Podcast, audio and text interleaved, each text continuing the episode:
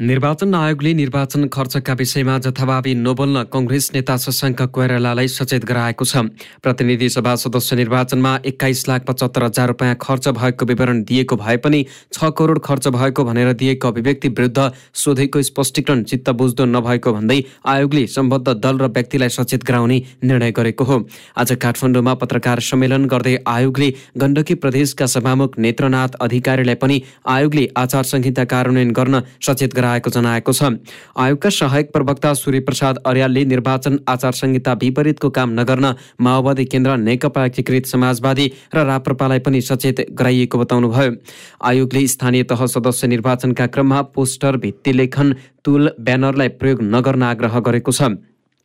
त्यस्तै आयोगले काठमाडौँ महानगरको प्रमुख पदका नेकपा एमालेका उम्मेद्वार केशव स्थापितले दिएको अभिव्यक्ति निर्वाचन आचार संहिता विपरीत भएको पाइएकाले सोबारे चौबिस घण्टाभित्र स्पष्टीकरण दिन पत्र पठाएको अर्यालले बताउनुभयो। यसै गरी स्थापित बारे जारी भएको प्रेस विज्ञप्ति निर्वाचन आचार संहिता प्रतिकूल रहेकाले सुसम्बन्धमा स्पष्ट पार्न महिला पुनस्थापना केन्द्र ओरेकलाई आयोगले स्पष्टीकरण सोधेको र प्रेस विज्ञप्तिलाई सार्वजनिक माध्यमबाट यथाशीघ्र हटाउन पनि निर्देशन दिएको उहाँले बताउनुभयो माननीय शशाङ्क कोइरालाले दिएको अभिव्यक्ति आचार संहिताको मूल आधार माथि नै अनास्था पैदा हुने देखिएकाले अब आइन्दा यस्ता अभिव्यक्ति नदिन सचेत गराउँदै उक्त जानकारी सम्बन्धित व्यक्तिलाई दिई सम्बद्ध राजनीतिक दललाई जानकारी दिने निर्णय आयोगले गरेको छ। आयोगले स्थानीय तह निर्वाचनमा मनोनयन पत्र दर्ता गराएका मध्ये विभिन्न पदमा तीन सय त्रिपन्न निर्विरोध निर्वाचित भएको जानकारी गराएको छ। यस्तै एक सय सत्तरी दलित महिला सदस्यको उम्मेद्वारी नै नपरेको आयोगले जनाएको छ। आयोगले निर्वाचन आचार संहिताको प्रभावकारी कार्यान्वयन गर्न राजनैतिक दल तथा उम्मेद्वारहरूसँग आग्रह गरेको छ। निर्वाचनका लागि हालसम्म चौसठी जिल्लाका लागि एक करोड बत्तीस लाख एक्काइस हजार मतपत्र ढुवानी गरिएको समेत आयोगले जनाएको छ। निर्वाचनको मिति नजिकिएका समयमा इन्टरनेट सेवा प्रदायक सङ्घ नेपालले आगामी सातादेखि इन्टरनेट सेवा बन्द हुन सक्ने भनिदिएको चेतावनीप्रति आयोगले गम्भीर ध्यानकर्षण भएको जनाएको छ। सरकारले ईदका अवसरमा भोलि सार्वजनिक विदा दिएको छ। इस्लाम धर्मावलम्बीहरूको पर्व ईद उल फित्रका अवसरमा भोलि सार्वजनिक विदा दिएको गृह मन्त्रालयले आज विज्ञप्ति मार्फत जानकारी दिएको हो। गृह मन्त्रालयका प्रवक्ता फणिन्द्र मणि पोखरेलले भोलि सार्वजनिक विदा दिएको बताउनुभयो गत मङ्गलबार बसेको मन्त्री परिषदको बैठकले ईदका अवसरमा सार्वजनिक विदा दिने निर्णय गरेको थियो। सरकारले दिवा शिशु स्याहार केन्द्र सञ्चालनका लागि निजामती कर्मचारी श्रीमती सङ्घसँग सम्झौता गर्न स्वीकृति दिने निर्णय गरेको छ। मन्त्री परिषदका निर्णय सार्वजनिक गर्न आज सिंहदरबारमा आयोजित पत्रकार सम्मेलनमा सरकारका प्रवक्ता ज्ञानेन्द्र बहादुर कार्कीले दिवा शिशु स्याहार केन्द्र सञ्चालनका लागि निजामती कर्मचारी श्रीमती सङ्घसँग थप पाँच वर्षको सम्झौता गर्न महिला बालबालिका तथा ज्येष्ठ नागरिक मन्त्रालयलाई स्वीकृति दिने निर्णय भएको जानकारी दिनुभयो। बैठकले कोष तथा लेखा नियन्त्रक कार्यालय खोटाङको लागि जग्गा प्राप्ति गर्न स्वीकृति प्रदान गरेको छ भने राष्ट्रिय प्रतिरक्षा विश्वविद्यालय पूर्वाधार निर्माण विकास समिति गठन दोस्रो संशोधन आदेश दुई हजार उनासी स्वीकृति गर्ने निर्णय गरेको प्रवक्ता कार्कीले बताउनुभयो। लोकसेवा आयोगको सिफारिसमा विभिन्न सेवा समूहका राजपत्राङ्कित तृतीय श्रेणीका तीनजना अधिकृतलाई राजपत्राङ्कित प्रथम श्रेणीमा बढुवा गर्ने निर्णय पनि बैठकले गरेको उहाँले बताउनुभयो। कोष तथा लेखा नियन्त्रक कार्यालय खोटाङको लागि जग्गा प्राप्ति गर्न स्वीकृति प्रदान गर्ने। प्रहरी अतिरिक्त महानिरीक्षकहरूमध्ये सबैभन्दा उपयुक्त देखिएका श्री धीरज प्रताप सिंहलाई प्रहरी महानिरीक्षक पदमा बढुवा नियुक्ति गर्ने। धीरज प्रताप सिंहलाई नेपाल प्रहरीको महानिरीक्षक आइजिपी नियुक्त गर्ने निर्णय ब्रदरको मागसहित एआइजी विश्वराज पोखरेलले रिट सर्वोच्च अदालतमा दर्ता भएको छ। पोखरेलका वारिसले ल्याएको रिट केही समय अघि दर्ता भएको र बुधबारलाई पेशी तोकिएको सर्वोच्च अदालतका सूचना अधिकारी देवेन्द्र ढकालले जानकारी दिनुभयो। रिटमा पोखरेले ज्येष्ठता कार्य सम्पादन मूल्याङ्कन शैक्षिक योग्यता तालिम पुरस्कार कमान्ड लगायत सबै आधारमा आफू अगाडि रहेको भन्दै सिंहलाई बढुवा गर्ने मन्त्री परिषदको निर्णय बदर गर्न माग गर्नु भएको छ। पोखरेलले प्रहरी नियमावली दुई हजार एकहत्तरको नियम एकचालिस र तीस अनुसार आफूलाई महानिरीक्षकमा बढुवा गर्नुपर्ने माग पनि गर्नुभएको छ। महानिरीक्षकमा बढुवा भएका सिंहले पटक पटक कारवाही भोगेको तथा एआइजीमा बडुवा विरुद्धको मुद्दा अदालतमै विचाराधीन रहेको अवस्थामा बडुवा भएकोमा पनि उहाँले प्रश्न उठाउनु भएको छ। मन्त्री परिषदको हिजो बसेको बैठकले आइजिपीमा एआइजी प्रताप सिंहलाई नियुक्त गरेको थियो। प्रहरीमा आइजिपीका लागि विश्वराज पोखरेल सहकुल थापा धीरज प्रताप सिंह र रविन्द्र धानुकले दावीदारी गर्नुभएको थियो। यसैबीच नेपाल सरकारको निर्णयले पदोन्नति भएका नेपाल प्रहरी र सशस्त्र प्रहरीका महानिरीक्षक द्वै धीरज प्रताप सिंह र राजु अर्याललाई दर्जानी चिन्ह प्रदान गरिएको छ। आज गृह मन्त्रालयमा आयोजित एक समारोहका बीच गृह सचिव टेकनारायण पाण्डेले उहाँहरूलाई दर्जानी चिन्हद्वारा शुभ सुशोभन गर्नुभएको हो। दर्जानी चिन्ह सुशोभन समारोहमा गृह सचिव पाण्डेले दुवै सङ्गठनका प्रमुखको कार्यकालमा अपराधविहीन र न्यायिक समाज निर्माणमा आफ्नो सङ्गठनलाई दृढतापूर्वक दोहोऱ्याउने काम हुने अपेक्षा रहेको बताउनुभयो।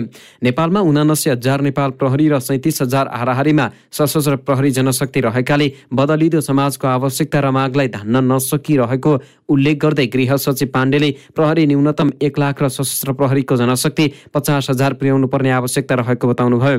गृह सचिव पाण्डेले त्यसतर्फ दुवै महानिरीक्षकबाट ठोस उपलब्धिमूलक र देखिने काम हुने विश्वास व्यक्त गर्नुभयो।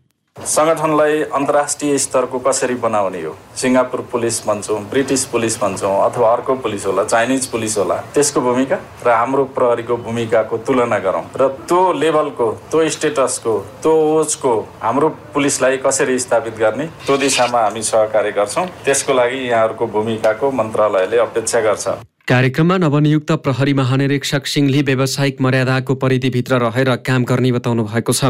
हरेक साङ्गठनिक क्रियाकलापलाई पारदर्शितापूर्ण गरी भ्रष्टाचार नियन्त्रणमा शून्य सहनशीलता कायम राख्दै आपराधिक तत्त्वको क्रियाकलाप निमिट्यान्न पार्ने उहाँको भनाइ छ। राज्यले सुम्पेको जिम्मेवारीलाई उच्च व्यावसायिकताका साथ वहन गर्न प्रहरी मानिसकदेखि प्रहरी जवानसम्मका सम्पूर्ण सदस्यहरू प्रतिबद्ध रहेको कुरा म यहाँ प्रतिबद्धता व्यक्त गर्न चाहन्छु। त्यस्तै नवनियुक्त सशस्त्र प्रहरी महानिरीक्षक अर्याली मानव संसाधनको विकास आधुनिक प्रविधिको विकास र नतिजामुखी महानिरीक्षक अर्यालले स्थानीय तह निर्वाचनलाई प्राथमिकतामाथिको प्राथमिकतामा राखेर काम गर्ने विश्वास दिलाउनुभयो।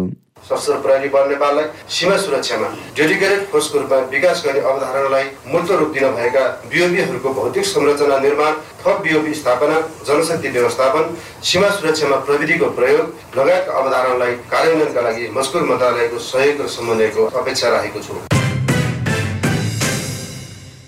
पार्टी निर्णय विपरीत लागेको भन्दै एमाले लुम्बिनी प्रदेश कमिटिका छजना सदस्यलाई निष्कासन गरेको छ। आगामी स्थानीय तहको निर्वाचनका क्रममा केहीले स्वतन्त्र उम्मेद्वारी दिएको र केही पार्टी निर्णय विरुद्ध लागेको भन्दै सो पार्टीले प्रदेश कमिटिका छजनालाई कारवाही गरेको हो। यसरी निष्कासित हुनेहरूमा कपिल वस्तुका कुमार मधु बेलवासे पाल्पाका रामबहादुर रावल र दिनेश रावल प्युठानका टिका बहादुर गुरुङ रूपन्देहीका सञ्जय गुप्ता र बाबुलाल यादव रहनु भएको छ। एमाले लुम्बिनी प्रदेश कमिटिका अध्यक्ष राधा कृष्ण कडेले आज विज्ञप्ति जारी गरी छजनालाई पार्टीको साधारण सदस्य समेत नरहने गरी निष्कासन गरिएको बताउनुभयो। पार्टीमा देखिएको अनुशासनहीनता क्षम्य हुन नसक्ने भन्दै सिङ्गो पार्टी पंक्ति चुनावी अभियानमा होमिएका बेला एकताबद्ध भएर निर्वाचनमा लाग्न आग्रह गरिएको छ। मौसमको कारण भिजिबिलिटी कम भएपछि त्रिभुवन अन्तर्राष्ट्रिय विमानस्थलमा उडान र अवतरण प्रभावित भएको छ। भिजिबिलिटी कम हुँदा आन्तरिक तथा अन्तर्राष्ट्रिय दुवै उडान प्रभावित भएको त्रिभुवन अन्तर्राष्ट्रिय विमानस्थलले जनाएको छ। विमानस्थलका प्रवक्ता टेकनाथ सिटौलाका अनुसार भिजिबिलिटी कम हुँदा अन्तर्राष्ट्रिय विमानहरू अहिले आकाशमा नै होल्ड हुनुका साथै तीनवटा आन्तरिक उडान हाई हाल डाइभर्ट भएको छ। यस्तै आज छवटा आन्तरिक उडान खराब मौसमकै कारण क्यान्सल भएको उहाँले बताउनुभयो। उहाँका अनुसार काठमाडौँबाट भद्रपुर जनकपुर लुक्ला ताप्लेजुङ धनगढी लगायत ठाउँमा हुने उडान स्थगित भएको छ। मूल्य अभिवृद्धि कर बीजक खरिद गरी राजस्व चुहावट गरेको अभियोगमा दुई व्यावसायिक फर्म विरुद्ध राजस्व अनुसन्धान विभागले उच्च अदालत पाटनमा मुद्दा दायर गरेको छ। विभागका अनुसार भक्तपुर सूर्यविनायक दश देउझा गाउँ स्थायी बसोबास भएका एभरेस्ट यति इन्टरनेसनल का सञ्चालक दीप कुमार देउजा र अचला थापा देउजा विरुद्ध आज उच्च अदालतमा मुद्दा दायर गरिएको हो। राजस्व चुहावट गर्ने मनसायले जालसाजी युक्त नक्कली तथा झुटा मूल्य अभिवृद्धि कर बिजक खरिद गरी नौ करोड सतसठी लाख बत्तीस हजार पाँच सय साठी बराबरको बदमासी गरेको पाइएको भन्दै विभागले सोही अनुसारको माग दावी गरेको छ। मूल्य अभिवृद्धि करतर्फ तिन करोड चालिस लाख अठार हजार र आयकरतर्फ छ करोड सत्ताइस लाख चौध हजार पाँच सय साठी बराबरको चुहावट गरेको पाइएको छ। विभागले बिगोको दोब्बर बराबरले हुन आउने उन्नाइस करोड चौतिस लाख पैँसठी हजार एक सय बिस बराबर असुल गरी कैद सजायको समेत माग गरेको छ। नेपालमा पछिल्लो चौबिस घण्टामा नौजनामा कोरोना संक्रमण पुष्टि भएको छ। देशभर गरिएको तीन हजार तीन सय तेत्तिस पिसिआर परीक्षणका क्रममा आठजना र नौ सय बाइस एन्टिजेन परीक्षणका क्रममा एकजनामा कोरोना संक्रमण पुष्टि भएको हो। त्यस्तै थप अठार संक्रमित कोरोना मुक्त भएका छन्। हाल नेपालमा दुई सय एघार सक्रिय संक्रमित आइसोलेसनमा रहेको स्वास्थ्य मन्त्रालयले जनाएको छ। यसैबीच सरकारले कोरोना संक्रमण दर बढ्न थालेको भन्दै स्वास्थ्य सतर्कता अप्नाउन आग्रह गरेको छ। पछिल्लो समय छिमेकी देश भारतमा कोरोना संक्रमणको दर बढ्न थालेकोले पूर्ण रूपमा स्वास्थ्य सतर्कता अप्नाउन सरकारले आग्रह गरेको हो। स्वास्थ्य तथा जनसङ्ख्या मन्त्रालयका सहप्रवक्ता समीर कुमार अधिकारीले पछिल्लो समय भारतमा कोरोना संक्रमण दर बढेको भन्दै सतर्क रहन आग्रह गर्नुभएको हो। हुम्लाको सदरमुकाम सिमकोटमा दुई दिनदेखि टेलिफोन र इन्टरनेट सेवा अवरुद्ध भएको छ। नेपाल टेलिकमको नेटवर्कले काम गर्न छोडेपछि सदरमुकाम सिमकोट दुई दिनदेखि सञ्चार सेवा विहीन भएको हो। टेलिफोन र इन्टरनेटले काम नगर्दा बाहिर रहेका आफ्ना आफन्तहरूसँग कुराकानी गर्न नपाएको स्थानीयहरूले बताएका छन्। बाँकीको साप्ती सोनारी गाउँपालिका दुईमा ट्रक दुर्घटना हुँदा एकजनाको मृत्यु भएको छ। अन्य दुईजना घाइते भएका छन्। मृत्यु हुनेमा ट्रकमा सवार बाह्रको जितपुर सिमरा उपमहानगरपालिका दुई बस्ने अडचालिस वर्षीय विजय सोनी रहेका छन्। घाइते भएका ट्रक चालक र परिचालक मेडिकल कलेजको होलपुरमा उपचारपछि घर फर्किएको बाँकीका डिएसपी मधुसूदन न्यौपानेले बताउनुभयो दाङबाट ग्यास बोकेर कैलालीतर्फ जाँदै गरेको रा एक आठ सय छयासी नम्बरको ट्रक आज बिहान अनियन्त्रित भई पल्टिएको थियो। मोरङको विराटनगर स्थित सीमावर्ती क्षेत्रमा भारतीय सीमा सुरक्षा बल एसएसबीले गोली चलाएको छ। आज दिउँसो सीमा क्षेत्र नजिक विराटनगर महानगरपालिका अठार इस्लामपुर नजिक एसएसबीका जवानले हवाई फायर गरेको प्रहरी स्रोतले जनाएको छ। दस गजा नजिक होहल्ला गरिरहेका बेला स्थानीयले घेरेपछि उनले तीन राउन्ड हवाई फायर गरेको स्थानीयको दावी छ। गोली फड्काएपछि स्थानीय बीच भागदौड मचिएको जनाइएको छ।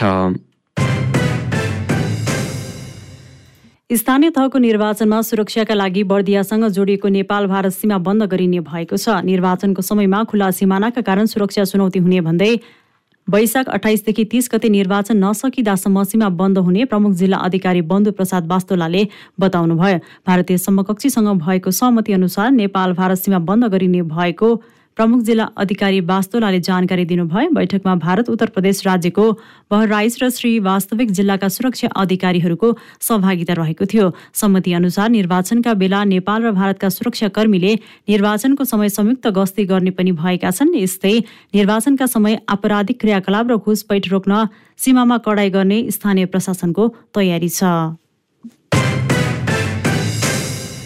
राष्ट्रिय बहिरा महासङ्घ नेपालले बहिरा व्यक्तिलाई गुणस्तरीय शिक्षाको लागि एक जिल्ला एक बहिरा विद्यालयको व्यवस्था गर्नुपर्ने माग गरेको छ। महासङ्घले आज आयोजित अपाङ्गता भएका व्यक्तिको सूचना तथा सञ्चारमा पहुँचका अवस्था लेखाजोखा रुजु सूचीमाथिको छलफल कार्यक्रममा महासङ्घका महासचिव सन्तोष केसीले साङ्केतिक भाषाका शब्द चार हजार सात सय मात्रै रहेकाले यो भाषाको विकास गर्न साङ्केतिक भाषा अनुसन्धान केन्द्रको स्थापना गर्न सरकार समक्ष आग्रह गर्नुभएको हो।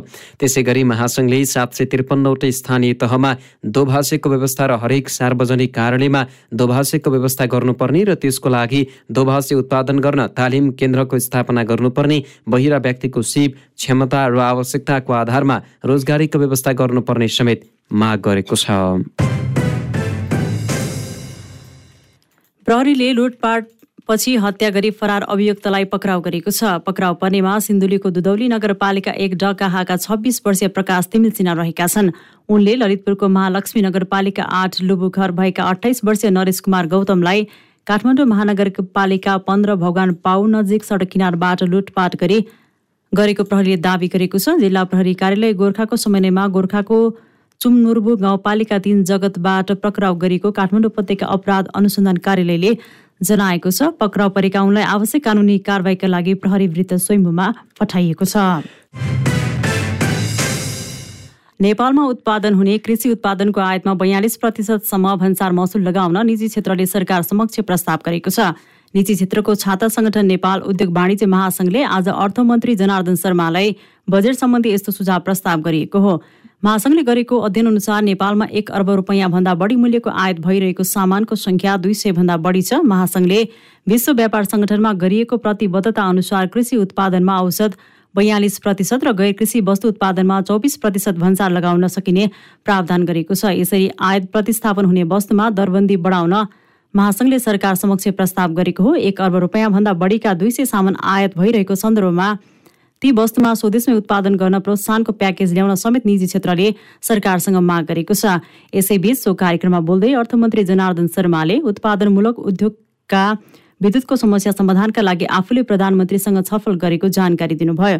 निजी क्षेत्रसँग हातेमालो गर्न सरकार तयार रहेको भन्दै उहाँले कर बढी लागेर उत्पादन महँगो परेको भए पनि त्यसमा सहजीकरण गर्न सरकार तयार रहेको बताउनुभयो। स्वदेशी उत्पादन बढाउने र राष्ट्र विकास गर्ने कुरामा सरकार गम्भीर रहेको उहाँको भनाइ छ।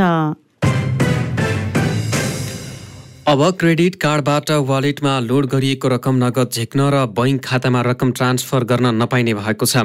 नेपाल राष्ट्र बैङ्कले भुक्तानी प्रणाली सम्बन्धी एकीकृत निर्देशन दुई हजार अठहत्तरमा संशोधन थप गर्दै आज यस्तो निर्देशन जारी गरेको हो। नेपाल राष्ट्र बैङ्कका अनुसार क्रेडिट कार्डबाट नगद कारोबार गर्न पाइँदैन। तर अत्यावश्यक भएको समयमा कार्डको स्वीकृत सीमाको दस प्रतिशतसम्म नगद झिक्न बाधा पुगेको मानिँदैन। क्रेडिट कार्डबाट वालेटमा लोड गरिएको रकम भने वस्तु तथा सेवाको विद्युतीय भुक्तानीका लागि मात्र प्रयोग गर्नुपर्नेछ। सो रकम बैङ्क खातामा ट्रान्सफर गर्न वा नगद झिक्न नमिल्ने व्यवस्था सम्बन्धित भुक्तानी सेवा प्रदायक संस्थाले मिलाउनु पर्ने भएको छ।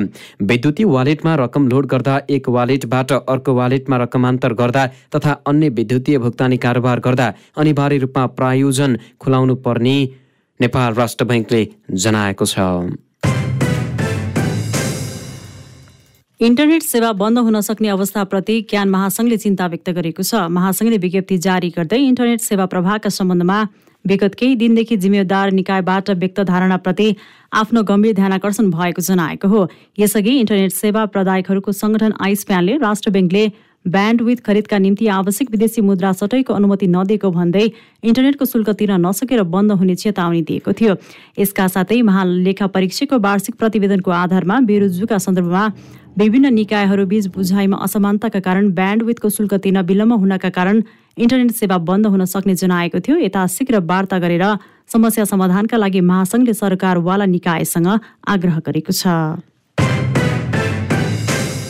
सेयर बजार परिसूचक नेप्से कारोबारको पहिलो दिन आज भारी अङ्कले गिरावट आएको छ। आज अडचालिस दशमलव सात तिन अङ्कले घटेर दुई हजार तिन सय सात दशमलव चार चार बिन्दुमा पुगेको हो। आज कारोबार रकम पनि रकममा पनि गिरावट आएको छ। आज उनाचालिस लाख अठहत्तर हजार उना असी किता सेयर कुल एक अर्ब बयालिस करोड चौतिस लाख अन्ठानब्बे हजार दुई सय बयानब्बे रुपियाँमा कारोबार भएको छ। आज जाल्पा सामुदायिक लघु वित्तको सेयर मूल्य दस प्रतिशतले बढेको छ। कारोबार रकमका आधारमा Arun valley hydro power development company limited अगाडि रहेको छ। क्यान्डिड न्युजमा अब अन्तर्राष्ट्रिय समाचार। कृष्ण सागरमा तैनात दुई रुसी युद्धपोतलाई लक्षित गरी आक्रमण गरेको युक्रेनले दावी गरेको छ। युक्रेनी सेनाध्यक्ष भलेरी जालो झनीले कृष्ण सागर स्थित स्नेह टापु नजिकै गस्ती गरिरहेका दुई रुसी युद्धपोतमा आक्रमण गरेको दावी गर्नुभएको हो। बिबिसीका अनुसार मानवरहित हवाई उपकरण ड्रोनले आक्रमण गरेको युक्रेनी पक्षको दावी छ। आक्रमणका क्रममा खिचिएको भनेको भिडियोमा दुई युद्धपोतमा छेप्यास र आक्रमण भएको देखियो छ। यद्यपि सो भिडियोको स्वतन्त्र पुष्टि हुन भनी बाँकी रहेको बिबिसीले जनाएको छ यसबारे रुसी पक्षले भने कुनै टिप्पणी नगरेको बताइएको छ। यता रुसी पक्षले मोस्कवा ध्वस्त भएको पुष्टि गर्दै आगलागीका कारण दुर्घटना भएको जनाएको थियो। भारतको सर्वोच्च अदालतले कसैलाई पनि जबरजस्ती खोप नलगाउन आदेश जारी गरेको छ। न्यायाधीश द्वय एल नागेश्वर राव र बिआर गवाईको समेत इजलासले यस्तो फैसला सुनाएको भारतीय सञ्चार माध्यमले जनाएका छन्। भारतीय संविधानको धारा एक्काइसका आधारमा सर्वोच्चले यस्तो फैसला सुनाएको भारतीय अखबार हिन्दुस्तान टाइम्सको अनलाइन संस्करणले जनाएको छ। भारतीय संविधानको धारा एक्काइसमा कानुनले तोकेको बाहेक कसैलाई पनि बाँच्ने अधिकार एवं व्यक्तिगत स्वतन्त्रताबाट वञ्चित गर्न नहुने उल्लेख छ। भारतीय संविधानले शारीरिक स्वतन्त्रता तथा मर्यादा रक्षा गर्ने ठहर गर्दै सर्वोच्च अदालतले कसैलाई पनि इच्छा विपरीत खोप नलगाउन फैसला सुनाएको भारतीय समाचार संस्था एएनआईले जनाएको छ। कसैलाई पनि खोप लगाउन बाध्य पार्न सकिँदैन सर्वोच्चले भनेको छ। यद्यपि भारत सरकारको वर्तमान खोप नीति अनुचित नभएको सर्वोच्चको फैसला छ। यसबाहेक अदालतले खोपको नकारात्मक असरबारे रिपोर्ट तयार पार्न पनि केन्द्र सरकारलाई निर्देशन दिएको खबरमा उल्लेख छ। यसैबीच युरोप भ्रमणमा रहनुभएका भारतीय प्रधानमन्त्री नरेन्द्र मोदी जर्मनीको राजधानी बर्लिन पुग्नु भएको छ। तीन दिने युरोप भ्रमणका क्रममा उहाँ आज जर्मनीको राजधानी बर्लिन स्थित ब्रान्डेन बगै विमानस्थलमा अवतरण गरेको हिन्दुस्तान टाइम्सले जनाएको छ। जर्मनीमा रहँदा प्रधानमन्त्री मोदीले जर्मन चान्सलर ओलाफ सोलसँग भेटवार्ता गर्नुहुने जनाइएको छ। दुई नेताले भारत जर्मनी अन्तर सरकारी समन्वयको छैटौँ सम्मेलनको सह अध्यक्षता समेत गर्ने हिन्दुस्तान टाइम्सले बताएको छ।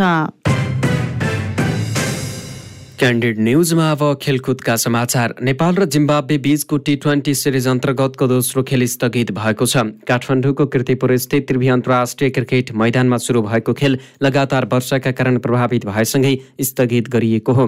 वर्षा सुरु हुने अगाडि ब्याटिङ सुरु गरेको जिम्बाब्वेले चार ओभर तीन बलमा दुई विकेट गुमाएर अडचालिस रन बनाउन सफल भयो। नेपालका लागि सम्पाल कामी र करण केसीले एक एक विकेट लिए। हिजो भएको पहिलो टी ट्वेन्टी खेलमा नेपाल जिम्बाब्वेसँग छ विकेटले पराजित भएको थियो। अमेरिकामा आयोजना हुने आइसिसी पुरुष क्रिकेट विश्वकप लिग टू अन्तर्गत त्रिकोणात्मक एक दिवसीय सिरिजको तयारी स्वरूप नेपालले जिम्बाब्वे ए टोलीसँग सिरिज खेल्न लागेको हो। तयारी सिरिजमा नेपाली र जिम्बाब्वे नेपाल र जिम्बाब्वे बीच तीन एक दिवसीय तथा तीन टी ट्वेन्टी खेल्ने तय भएको छ। शहीद स्मारक सी डिभिजन लिगमा मनोहरा युनाइटेड क्लबले दोस्रो जित निकालेको छ। ललितपुरको सातो बाटो स्थित एन्फा कम्प्लेक्समा आज दिउँसो भएको तेस्रो खेलमा मनोहराले ओएससिस क्लबलाई एक शून्य गोल अन्तले पराजित गरेको हो। मोहनको गोल नै निर्णायक बन्यो। Mohan man of the match घोषित भए। यसअघि आज बिहान भएको दोस्रो खेलमा आरसी थर्टी टू फुटबल एकाडेमीले चौथो जित निकालेको छ। एन्फा कम्प्लेक्समा आज दिउँसो भएको खेलमा आरसी थर्टी टूले समाज कल्याण खेलकुद केन्द्रलाई एक शून्य गोल अन्तले पराजित गरेको हो। आरसी थर्टी टूका लागि विवेक सन्तोषीको गोल नै निर्णायक बन्यो। यस्तै आज बिहान भएको पहिलो खेलमा पुलचोक स्पोर्ट्स क्लबले पहिलो जित निकालेको छ। इन्फा कम्प्लेक्समा भएको खेलमा पुलचोकले रानीबारी स्पोर्ट्स क्लबलाई एक शून्य गोल अन्तले पराजित गरेको हो। पुल्चोकको जितमा सौरभ तामाङको गोल नै निर्णायक बन्यो। Saurabh Tamang man of the match घोषित भए। र नेपाल पुलिस क्लबले छैठौँ संस्करणको आरबिबी एनभिए राष्ट्रिय महिला तथा पुरुष क्लब भलिबल लिग प्रतियोगितामा महिलातर्फ विजय सुरुवात गरेको छ। त्रिपुरेश्वर स्थित राखेपको कवर्ड हलमा आज बिहान भएको खेलमा एपिएफ क्लबलाई तीन एकको सेटमा हराउँदै पुलिसले विजय सुरुवात गरेको हो। सुरुवाती दुई सेट पच्चिस बिस पच्चिस तेइसले पुलिसले जितेको थियो। तेस्रो सेट एपिएफ पच्चिस सत्रले आफ्नो बनायो तर चौथो सेट पच्चिस सोह्रले जित्दै पुलिसले सुखद सुरुवात गरेको हो। यसअघि पहिलो खेल त्रिभुवन आर्मी क्लबले एभरेस्ट भलिबल क्लबलाई तीन शून्यको सोझो सेटमा हराउँदै आर्मीले सुखद सुरुवात गरेको थियो। आर्मीले एभरेस्टमाथि पच्चिस उन्नाइस पच्चिस सात र पच्चिस अठारको सेटमा जित निकालेको हो। यस्तै पुरुषतर्फको खेलमा हेल्प नेपालले विजय सुरुवात गरेको छ। ढोरपाटन स्पोर्ट्स क्लबलाई तीन शून्यको सोझो सेटमा हराएर हेल्प नेपालले विजय सुरुवात गरेको हो। हेल्पले ढोरपाटनलाई पच्चिस एक्काइस सत्ताइस पच्चिस र पच्चिस बिसको सेटमा जित निकालेको हो। जितसँगै हेल्पले तीन अङ्क जोडेको छ। ढोरपाटनको यो लगातार दोस्रो हारो लिगमा पुरुषतर्फ सात टिम र महिलातर्फ पाँच टिमको सहभागिता रहेको छ।